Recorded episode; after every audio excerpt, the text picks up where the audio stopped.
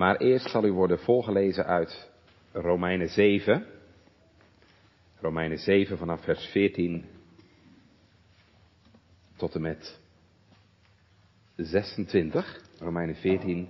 Romeinen 7 vanaf vers 14 tot en met 26, waarin Paulus ons een kijkje in zijn hart geeft. In de strijd die hij ervaart met de zonde in zijn leven.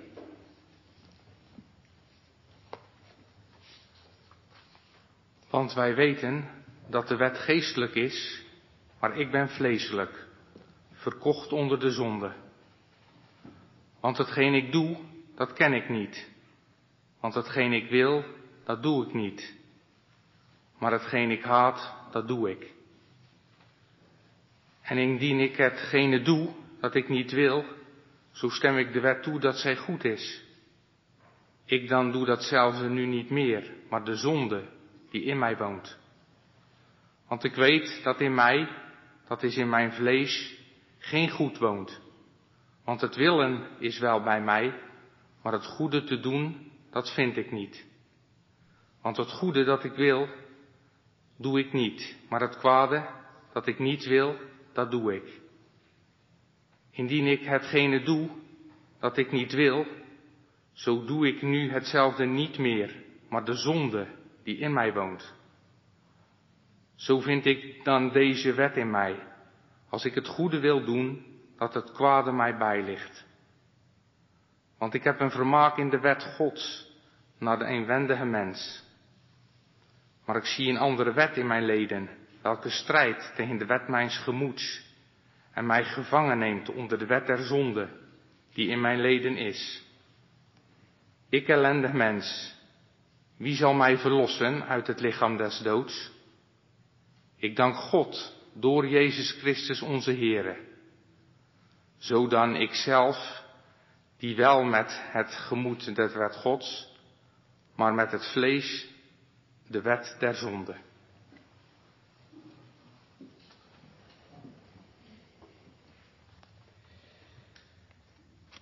Gemeente, kwam eens een meisje bij dominee Spurgeon.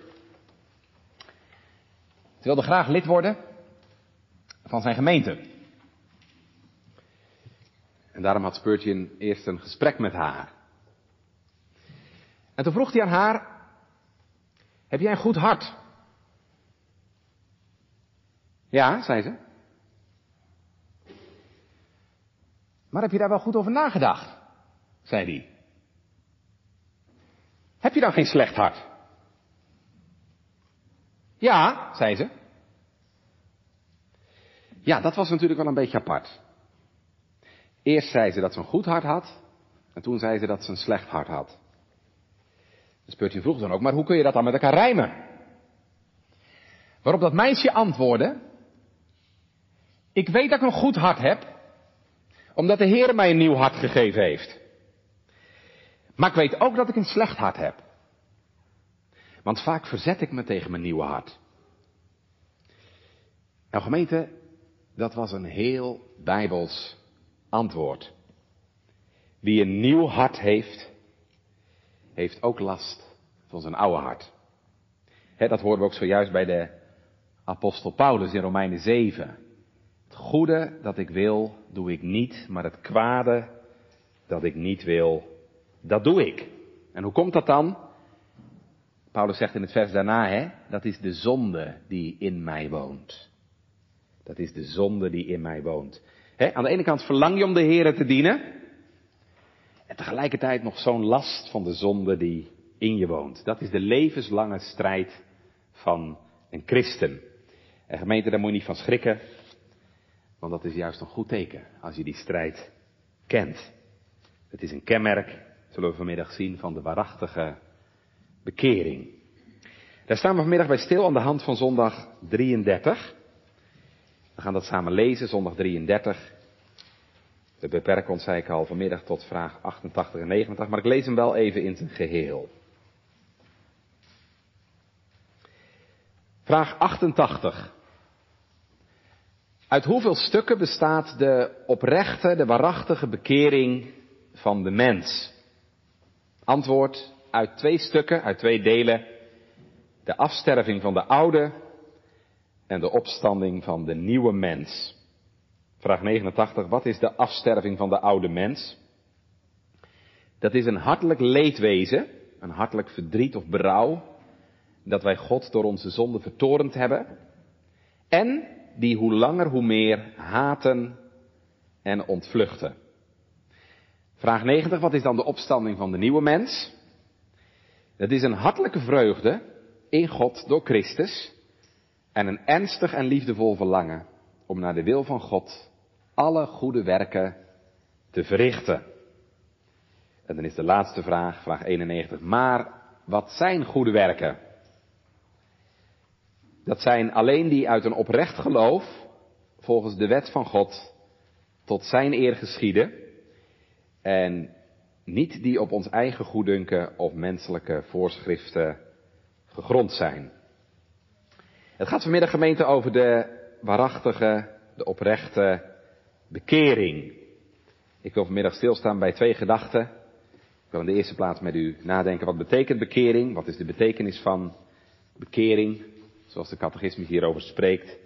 En in de tweede plaats letten we op de inhoud van de bekering. En dan met name op die afsterving van de oude mens, de hand van vraag 89. En dan reserveren we de opstanding van de nieuwe mens voor de volgende keer. Gemeente, een paar jaar geleden, een jaar of drie terug, vond er hier een uh, grote verbouwing plaats. Oude pastorie, hier naast de kerk, helemaal afgebroken. En langzaamaan zag je hier een nieuw gebouw verrijzen. Nieuwe ingang, nieuwe zaal. Gemeente, dat lijkt een beetje op bekering. God breekt oude dingen af en hij bouwt nieuwe dingen op. Slechte gewoonten, verkeerde patronen, zondige manieren verdwijnen. En nieuwe gewoonten en goede werken verschijnen. Dat is bekering. Vorige keer, twee weken geleden, hebben we stilgestaan bij zondag 32. En toen hebben we gezien hoe dat komt. Want dan lazen we, Christus vernieuwt zijn kinderen door zijn geest naar zijn beeld. Christus vernieuwt door zijn geest zijn kinderen naar zijn beeld. Om even in dat beeld te blijven, je zou kunnen zeggen, de Heer Jezus is de architect. En die bepaalt hoe het eruit moet komen zien. En de Heilige Geest is dan de uitvoerder. Die het doet zoals Christus het hebben wil. Hij vernieuwt ons naar zijn beeld. Waarom is dat nodig? Nou, dat is heel erg nodig gemeente, want zonder zo'n nieuw leven kunnen we straks het koninkrijk van God niet ingaan. Dat hebben we vorige keer ook gelezen. Hè? Antwoord 87 zei, wie zich niet bekeren, kunnen het koninkrijk van God niet binnengaan. Wie zich niet bekeren, kunnen Gods koninkrijk niet binnengaan. Ja, dat roept natuurlijk vervolgens de vraag op, maar wat is dan eigenlijk bekering? Wat is bekering nu precies? En daar gaat het dus vanmiddag over, in zondag 33. Wat is bekering? Nou, daar kun je twee antwoorden op geven. Want gemeente, er is namelijk een eerste bekering. En er is ook een voortgaande bekering. He, een eerste bekering, dat is wat je ziet bij de verloren zoon. hij kwam tot inkeer, kreeg berouw en hij ging weer terug naar zijn vader. Dat is natuurlijk wezenlijk, essentieel.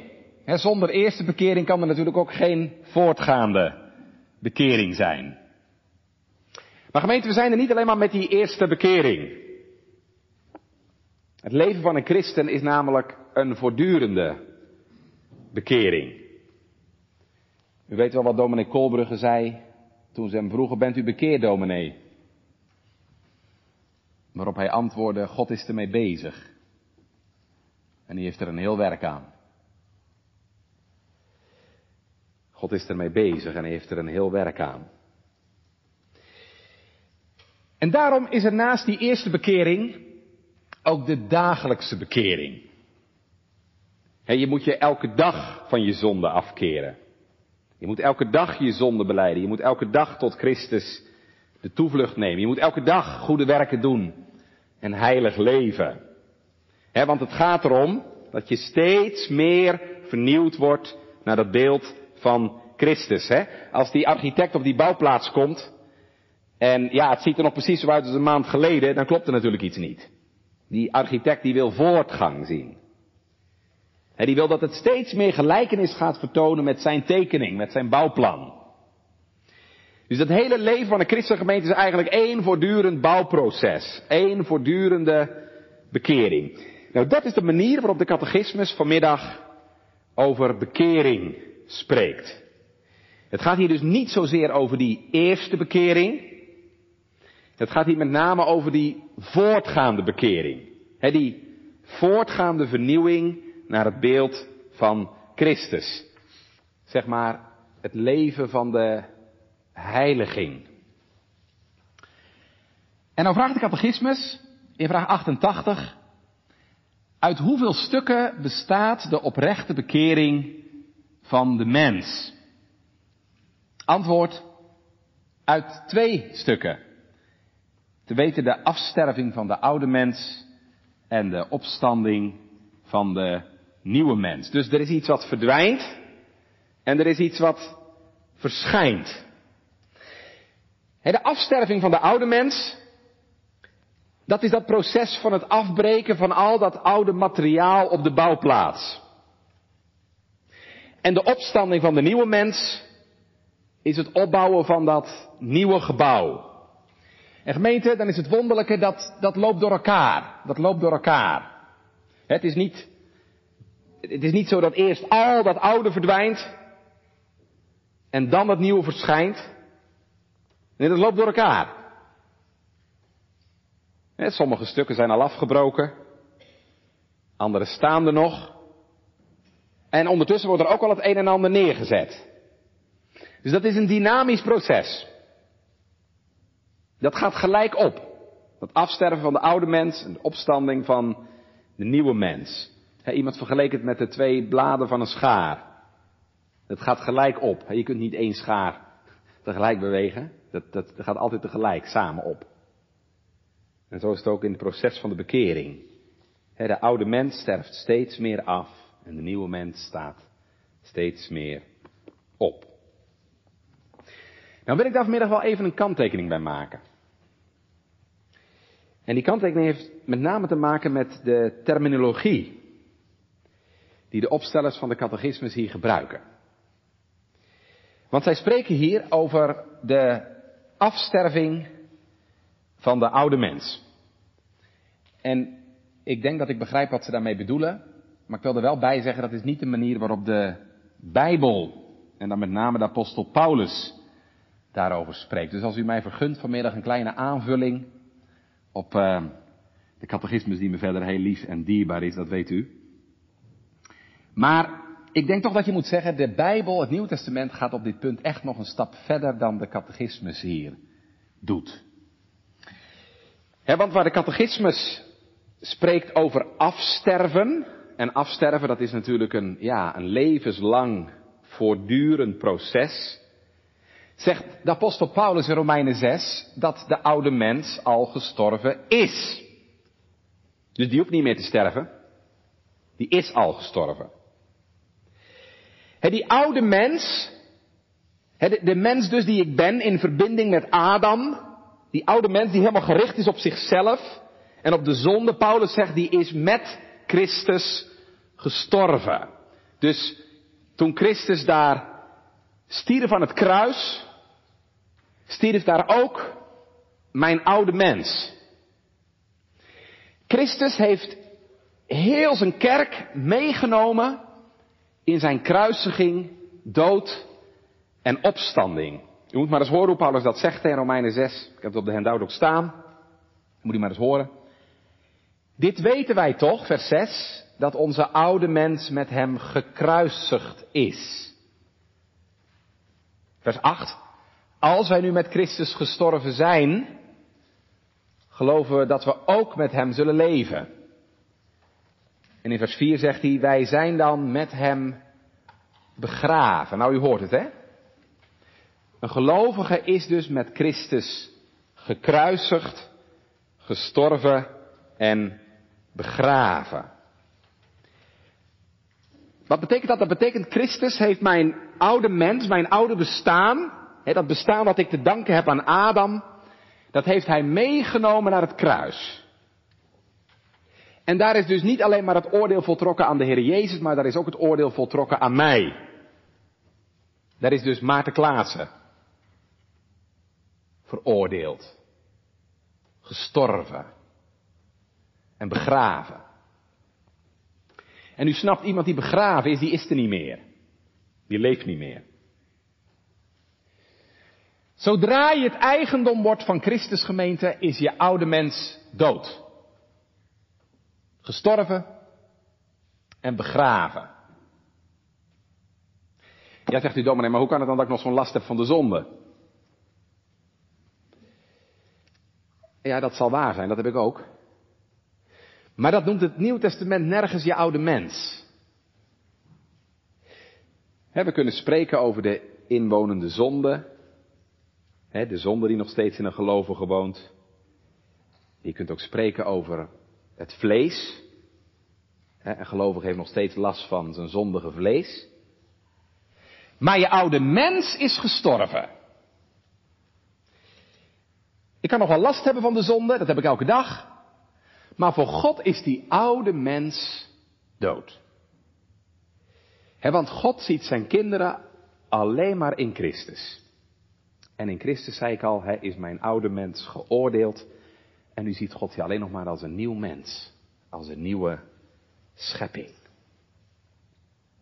En die is volmaakt. Want Christus is volmaakt.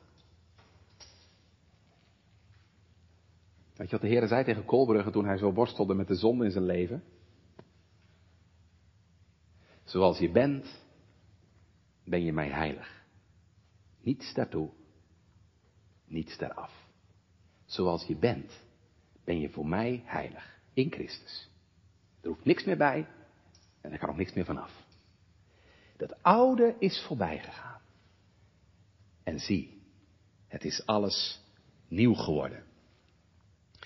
En dat is de basisgemeente van de heiliging. Dat is de basis voor het nieuwe leven van een christen. Dat is dus niet, ik moet mijn oude mens doden. Nee, het evangelie begint met de heerlijke boodschap, uw oude mens is gestorven. Dat is al gebeurd. Op Golgotha. En vanuit die basis mag je beginnen aan een nieuw leven. Dus even terug naar de catechismus. Ik snap wat de catechismus bedoelt. En natuurlijk moet je dagelijks strijden tegen de zonde. Maar het zou denk ik beter geweest zijn als ze hier gesproken hadden over de afsterving aan de zonde. In plaats van het afsterven van de oude mens. Want we zagen het bij Paulus, die is al gestorven.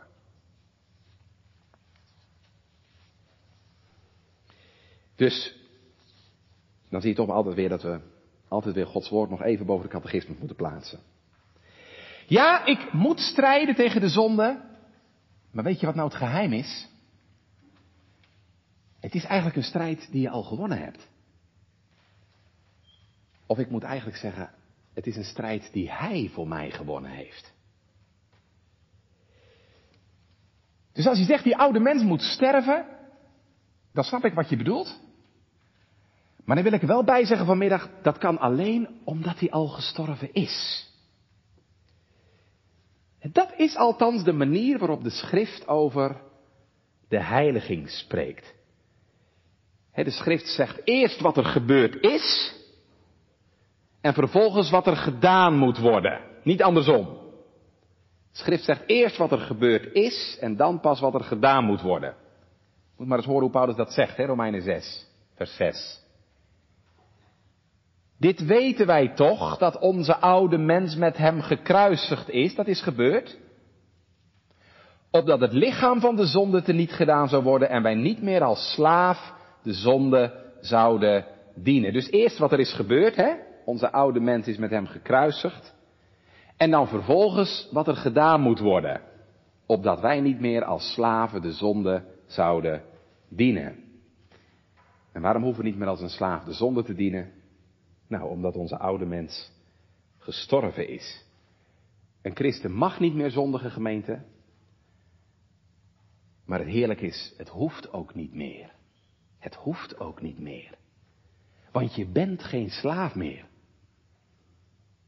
En Paulus vindt dat heel belangrijk, dat kinderen van God dat weten, dat ze dat geloven. Hij zegt in Romeinen 6, houd het ervoor. Of zoals de herziende Statenvertaling zegt, reken uzelf als dood voor de zonde. Nou, om even duidelijk te maken wat ik bedoel, noem ik even vanmiddag gemeente twee beelden. Twee beelden uit het Nieuwe Testament. En dat zijn ook twee teksten waar de catechismus expliciet naar verwijst. Het eerste is het beeld van kleren. En het tweede is het beeld van deeg. En dat geeft denk ik heel mooi duidelijk wat Paulus bedoelt met bekering. Dat eerste beeld van kleding, dat vindt u in Colossense 3. Vers 5 tot en met 10, dat staat ook in de verwijsteksten van de catechismus. Ik ga dat even aan u voorlezen. Dan moet u maar horen hoe Paulus het zegt. Dood dan uw leden die op de aarde zijn. Namelijk hoererij, onreinheid, schandelijke beweging, kwade begeerte, de gierigheid, welke is afgodendienst, om welke de toren van God komt over de kinderen der ongehoorzaamheid, waarin ook u eertijds hebt gewandeld toen gij in dezelfde leefdet. Maar nu, leg ook gij dit alles af, namelijk gramschap, toorn, kwaadheid, lastering, vuil spreken uit uw mond.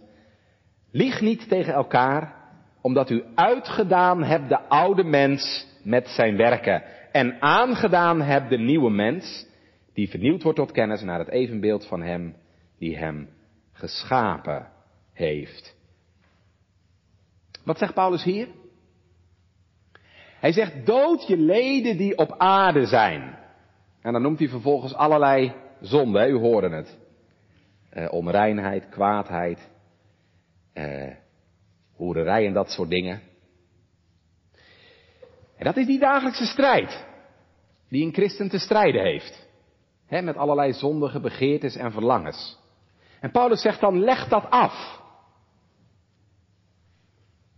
En net zoals wanneer je geklust hebt, en je broek zit helemaal onder de vegen en de verfvlekken, en je die oude broek uittrekt en een nieuwe aandoet. Liegen, kwaad spreken, vuile taal, zegt hij, leg dat af. En waarom? Nou, kijk maar in vers 9 omdat gij uitgedaan hebt de oude mens met zijn werken. Zie je hoe Paulus redeneert? Hij zegt, je hebt de oude mens afgelegd. Dat is al gebeurd.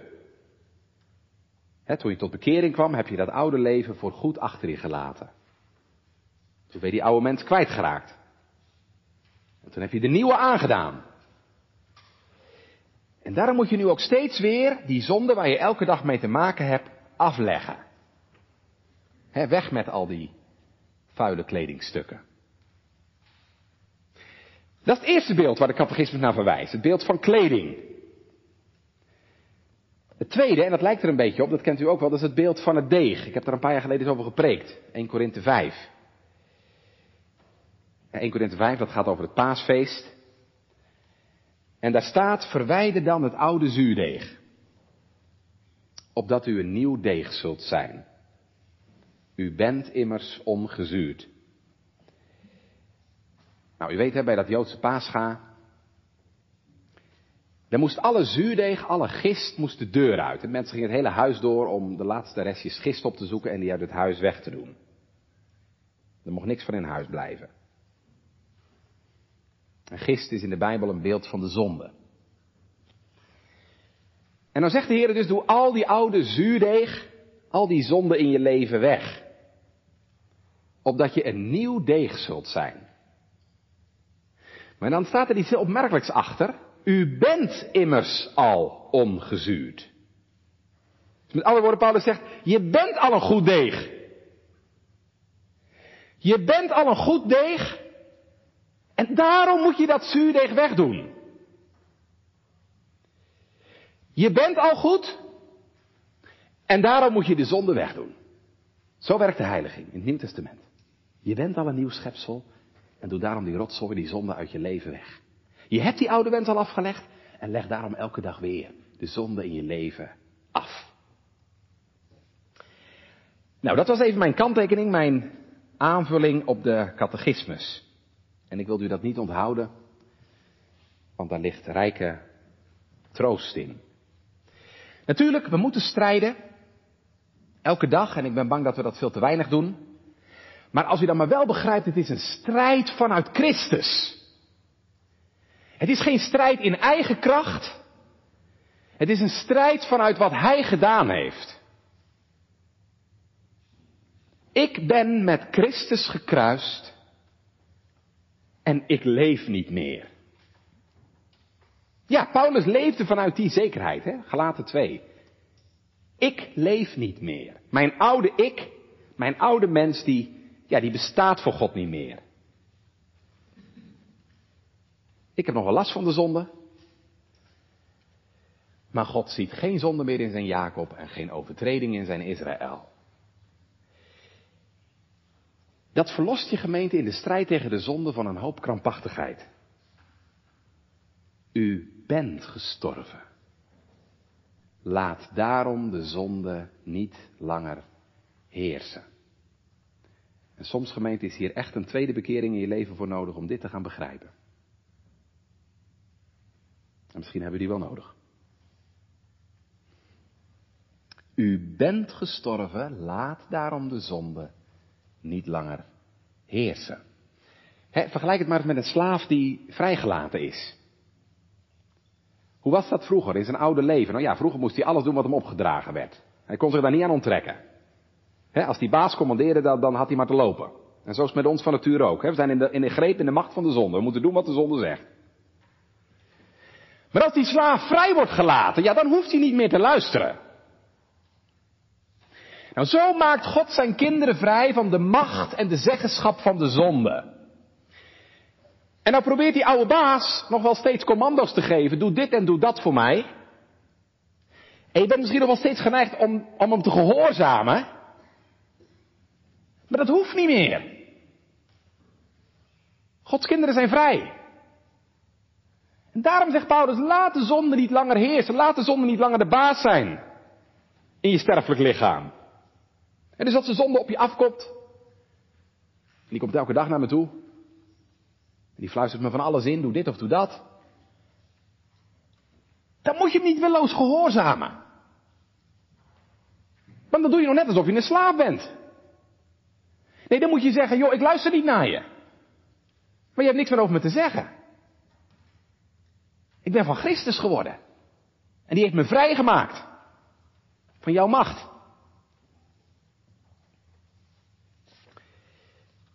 Goed. Maar gaan we naar het tweede. Ik heb iets gezegd over de betekenis van de bekering. Het gaat hier dus over de dagelijkse bekering van de gelovigen. Ik heb even een kanttekening gemaakt bij dat afsterven van de zonde. In het licht van wat Paulus daarover zegt in Romeinen 6. Hè? De oude mens gestorven is. Dan wijst de catechismus ons in de tweede plaats op de inhoud van de bekering. Want wat bedoel je daar nou mee precies? Afsterving van de oude mens en opstanding van de nieuwe mens. Nou, lees maar mee. Ik pak vandaag alleen vraag 89, dat gedeelte over de opstanding van de nieuwe mens. Dat bewaren we dan voor de volgende keer. Vraag 89. Wat is de afsterving van de oude mens? Of het afsterven aan de zonde, want dat is wat er hier bedoeld wordt. Antwoord, het is een hartelijk leedwezen dat wij God door onze zonde vertorend hebben en die zonde hoe langer hoe meer haten en ontvluchten. Nou, ik wil uit dit antwoord gemeente drie dingen eruit lichten. Drie woorden die kenmerkend zijn voor de afsterving van de oude mens. Dat is dat woordje leedwezen. Daar zet ik even een streep onder. Dat is dat woordje haten. En dat is het woord ontvluchten. Als u vraagt wat is bekering, nou dan kun je dat dus met die drie woorden samenvatten. Leedwezen, haten en ontvluchten. Eerst even iets over dat leedwezen. Um, wat is leedwezen eigenlijk? Leedwezen gemeente, u hoort daar het woord lijden in, hè? Er zit het woord leed in, dat heeft te maken met lijden. Betekent dus dat het je pijn doet. Dat je eraan lijdt. Dat je zo tegen God gezondigd hebt. Dat het je zo'n verdriet doet. Dat je tegen God gezondigd hebt. Dat is even heel belangrijk. Dus dat is dus niet alleen maar gemeente een, een verstandelijk inzicht. Hè? Kijk, ik kan verstandelijk inzien dat ik verkeerd ben geweest, dat ik ernaast heb gezeten, zonder dat ik er iets bij voel. Maar dat, dat is niet bij de echte bekering zo. Bij de echte bekering gemeente raakt het ook je hart. Raakt het ook je genegenheden. Dan doet het pijn van binnen. Je lijdt eraan. He, die tollenaar in de tempel die sloeg op zijn borst. En de mensen op de Pinksterdag waren verslagen van hart. Echt berouw gemeente, dat gaat dwars door je heen. Het is een hartelijk leedwezen, staat er, hè? Dit heeft dus te maken met je hart. En let er ook even op waar dat leedwezen vandaan komt. Er staat, omdat je God door je zonde vertorend hebt. Dus, ja, het is dus, het is dus maar geen verdriet omdat je ja, bang bent voor de gevolgen of zo, of omdat je bang bent voor de straf. Nee, het gaat erom, het doet je pijn dat je God geraakt hebt met je zonde. En waarom doet dat pijn? Heel eenvoudig gemeente, omdat een kind van God God lief heeft. En God verdient het niet dat wij zo met hem omgaan. En God is zo goed, die verdient het niet dat wij zo met hem omgaan. En juist als je iets hebt mogen ervaren van de goedheid van God. En je hebt mogen ervaren dat de Heer je genadig is geweest. En je zonde heeft vergeven. En je zijn vrede en liefde in je hart heeft uitgestort. Dan doet het je zo'n pijn dat je tegen zo'n goede en goeddoende God zondigt. Dat komt door de liefde, gemeente. Dat zie je heel mooi bij de verloren zoon, hè? Die jongen had er jarenlang geen last van dat hij zijn vader zo op zijn hart getrapt had. Dat deed hem helemaal niks. Dat liet hem helemaal koud. Maar als hij dan tot inkeer komt, gaat hij zich ineens realiseren, wat heb ik mijn vader een verdriet gedaan? Wat moet het voor die man moeilijk zijn geweest dat ik hem zo behandeld heb? Het gaat pijn doen. Dat is leedwezen. Dan doet het je pijn, hè? Dat ondanks dat ik het niet wil, ik toch steeds weer tegen de Heere zondig. Dat het vlees nog zo krachtig is in mijn leven. Dat ik het kwade wat ik eigenlijk niet wil, toch steeds weer doe. Doet u dat verdriet? Ik las een poosje terug een uh, rouwadvertentie in de krant die mij raakte. Dat was de rouwadvertentie van RD-journalist Gerrit Roos. In die advertentie stond, hij droeg veel leed om zijn dagelijkse fouten en zondig bestaan. Kijk, daar heb je dat hartelijke leedwezen. En ik hoop dat u dat ook kent. Weet je gemeente, als je de Heer kent, dan wordt de zonde een steeds grotere kwelling. Dan zijn er soms momenten dat je verlangt naar de dag dat je niet meer hoeft te zondigen. Het dat je voorgoed verlost mag zijn van het lichaam der zonde. Dan ben je toch een gelukkig mens, gemeente, want Jezus zegt, zalig zijn die treuren. Want zij zullen vertroost worden hadden we dat maar meer. dat hartelijk leedwezen. En dan doet het je zo'n verdriet. Als je weer eens uit je slof schiet. Of als je weer negatief hebt gesproken over die ander. Of als je onzuiver of onreine gedachten hebt gekoesterd. En, en, dan, en dan geen verdriet omdat je bang bent voor de gevolgen of zo. Omdat je bang bent voor de straf of zo. Maar verdriet omdat je tegen je God gezondigd hebt. En de Heere dat zo niet waard is. Kijk, dat is evangelisch berouw. Evangelisch berouw. Paulus noemt dat in de Korinthebrief de droefheid naar God. Wat bedoelt hij daarmee? Wat is dat, de droefheid naar God? Ik las van de week heel mooi, dan heb je verdriet omdat God verdriet over jou heeft. Dan heb je verdriet omdat God verdriet over jou heeft. dus dan gaat het er niet in de eerste plaats om dat je tegen de wet hebt gezondigd. Of omdat je bang bent voor de straf of zo. Maar dan doet het je pijn omdat je de vader bedroeft. Die je uit genade verkoren heeft. Dat je de zoon bedroeft. Die zijn kostbaar bloed voor jou vergoten heeft. Dat je de heilige geest bedroeft. Die in jou woont. En zondigen is zo erg omdat ik daarmee zondig tegen de liefde van God. Dat is dat hartelijke leedwezen. Dan heb je verdriet omdat God van jou verdriet heeft.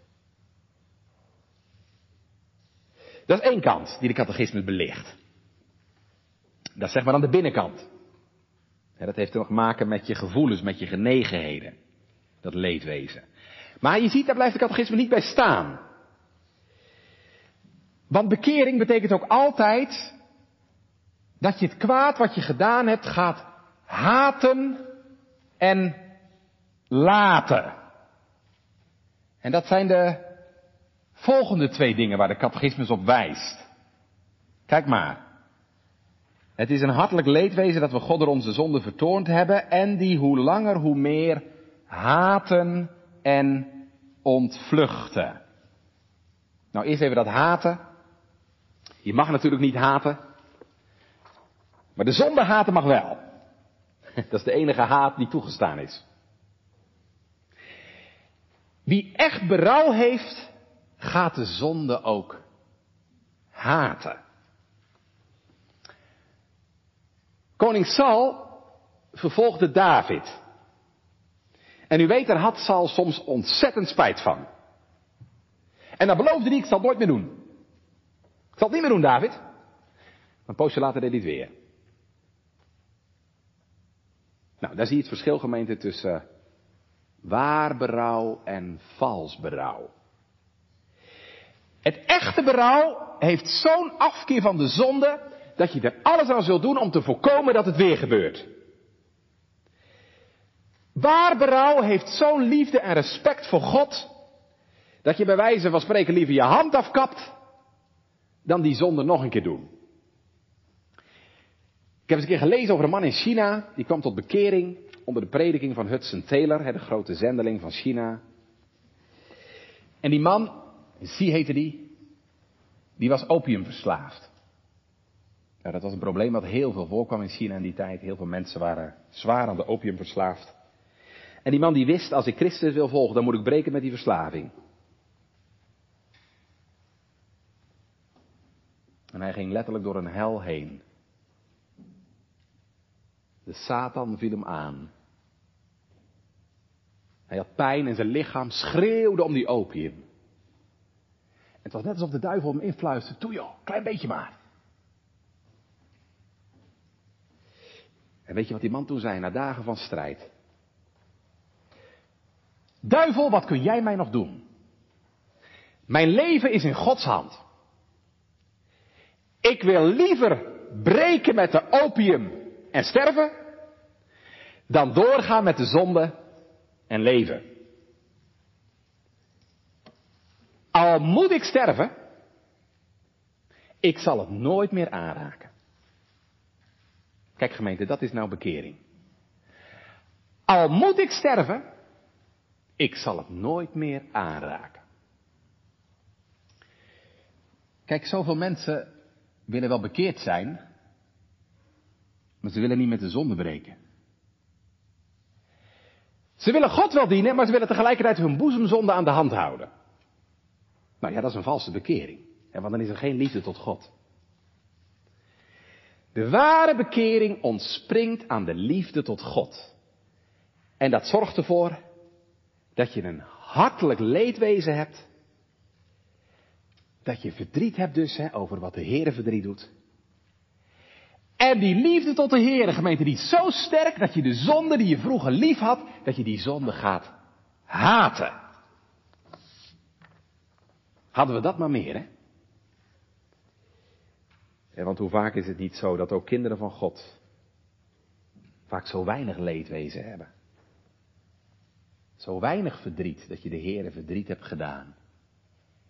En dat we vaak nog zo makkelijk en toegeeflijk zijn in de zonde. En dat we vaak zo laks en lauw zijn in het doden van de zonde. Maar gemeente, als het gaat om de zonde, moet je niet laks en lauw zijn. Zonde moet je mijden als de pest. Zonde moet je je ver van houden. Er staat hier, die moet je ontvluchten. Dan moet ik denken aan Jozef. Wat deed hij toen de vrouw van Potifar probeerde hem te verleiden? Kom bij me. Hij rende letterlijk weg. Hij vluchtte weg. Misschien wel juist omdat hij wist hoe zwak die was.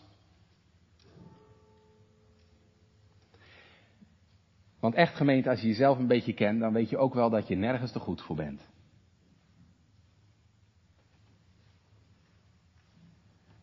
En als u denkt dat dat op u niet van toepassing is, dan ken je jezelf nog heel slecht.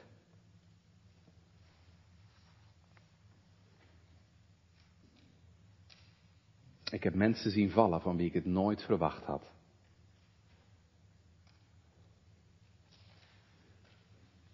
En als je zulke berichten hoort, we horen ze soms in het nieuws, bekende apologeet, onlangs, bekende dominees die van hun voetstuk vallen. Dan moeten we ons daar nooit boven verheffen. Dan moeten we altijd beseffen, wie meent te staan, zie toe dat hij niet vallen. Dus dan moet je niet zeggen, moet je dat nou toch eens zien? Dan moet je eens horen wat hij gedaan heeft. Dan moet je maar beter zeggen, waarom ik niet? Want ik had het net zo goed kunnen doen. En de Engelse reformator John Bradford zag een man door de straat geleid worden. Op weg naar het schavot. Die man kreeg de doodstraf. Nou, je weet hoe dat ging vroeger, hè? Mensen staan rijen dik te kijken naar zo'n crimineel, die man uit te lachen en uit te joelen. En toen John Bradford die man zag lopen, weet je wat hij zei? There, but for the grace of God, goes John Bradford. Het is alleen maar genade van God dat John Bradford daar niet loopt. Dat ik daar niet loop. We zijn nergens te goed voor. Ook een kind van God niet. En daarom gemeente moeten we als het gaat over de zonde heel streng zijn voor onszelf dan is voorkomen echt beter dan genezen. Natuurlijk, er is bij de Heer altijd een weg terug als we van harte de zonde beleiden. Maar voorkomen is veel beter dan genezen. Je gaat het veiligst als je er zo ver mogelijk vandaan blijft. Ik heb wel dat verhaal verteld hè, van die man die een nieuwe chauffeur zocht. Rijke landeigenaar in Engeland zocht een nieuwe chauffeur. Zet een advertentie in de krant. Kreeg een hoop reactie erop. Hij selecteerde de vier uit en hij liet ze op gesprek komen. En in elk van die sollicitatiegesprekken zei hij, stel je nou eens voor, hè, we rijden straks in uh, bergachtig gebied. Rechts van je is een berg, links van je is een afgrond.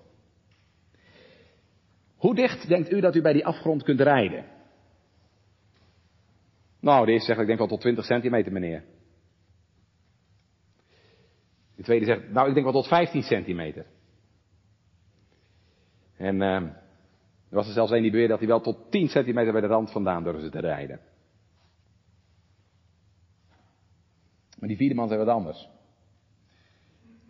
Hij zei, meneer, ik denk dat ik in zo'n geval zou proberen er zo ver mogelijk vandaan te blijven. En zo dicht mogelijk bij die bergwand te rijden. En hij werd aangenomen.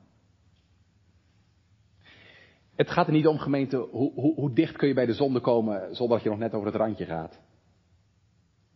Het gaat erom, hoe ver blijf je er vandaan. En wij leven vandaag in een tijd dat heel veel mensen geen grenzen meer kennen. En ik zie dat dat ook christenen beïnvloedt. dingen die, die vroeger ondenkbaar waren, die uh, lijken tegenwoordig steeds meer geaccepteerd. Samen naar een hotel gaan, samen op vakantie gaan, terwijl je nog niet getrouwd bent.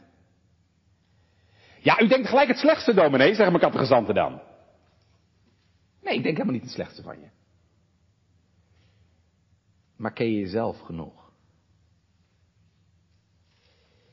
En daarom kun je beter te voorzichtig zijn dan te makkelijk. Ik heb meer mensen zien struikelen die te makkelijk waren dan die te voorzichtig waren. Dus ja, als je telefoon op je slaapkamer te veel een verleiding is, laat hem dan gewoon beneden liggen. Als bepaalde winkels of websites je te veel in verleiding brengen om maar van alles te kopen, laat ze dan links liggen of ga er slechts heel beperkt heen. Als bepaalde programma's op tv dingen in je wakker roepen, kun je, beter, ze beter uitzetten.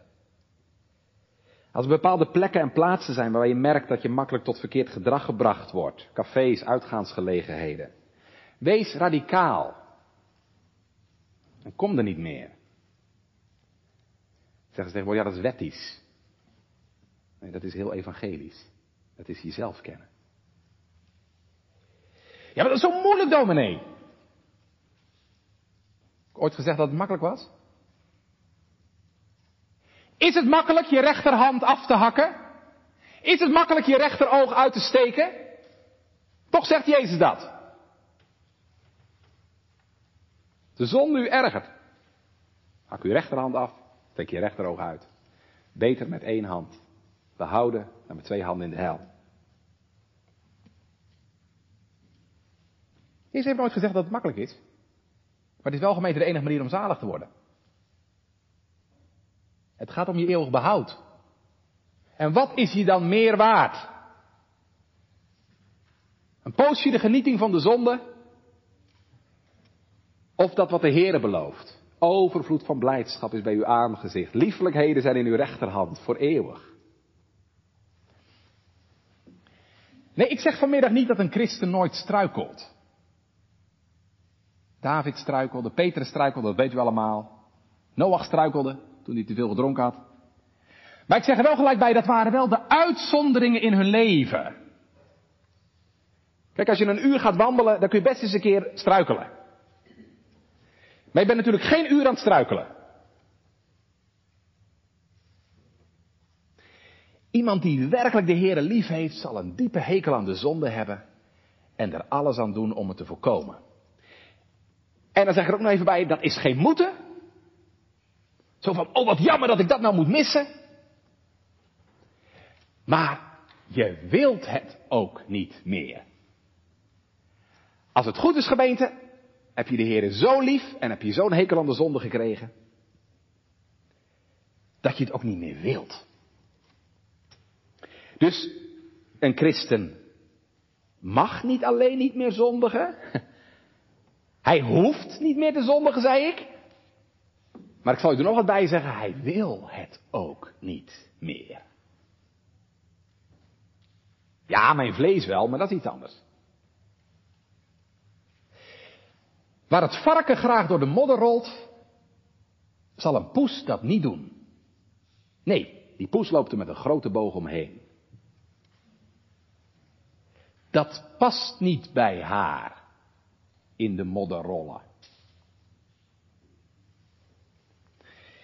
Nee, dat past niet meer bij je. Als de Vader je aangenomen heeft tot zijn kind. Als Christus je gekocht heeft met zijn bloed. En als de geest van God in je woont. En nou de vraag, herkent u dat? Doet het je ook zo'n verdriet om tegen God te zondigen? Haat je de zonde met een dodelijke haat? En doe je er alles aan om te vermijden? Dan mag ik u feliciteren. Feliciteren ja. Want u bent gestorven. Uw oude mens is gestorven.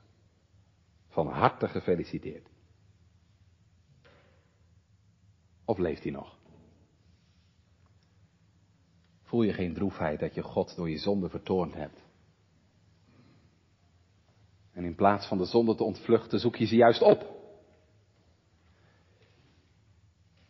Ja, dan moet ik je condoleren. U leeft nog. Uw oude mens is nog springlevend. Gecondoleerd. Of kun je er niet meer mee leven? Kun je er niet meer mee leven? En is het je verzuchting? Ik, ellendig mens. Wie zal mij verlossen van dit lichaam des doods? Nou, ga dan maar naar Jezus. En vraag hem, Heere, geef mij de doodsteek. Geef mijn oude mens de doodsteek. Wil hij dat? Dat wil hij zeker. Jezus doet niks liever dan dat. Want daartoe is hij gestorven, opdat uw oude mens sterven zou. En wij het mogen gaan beleiden. Ik leef niet meer. Maar Christus leeft in mij. En wat ik nu leef, dat leef ik door het geloof in de Zoon van God, die mij heeft liefgehad en zichzelf voor mij heeft overgegeven. Amen.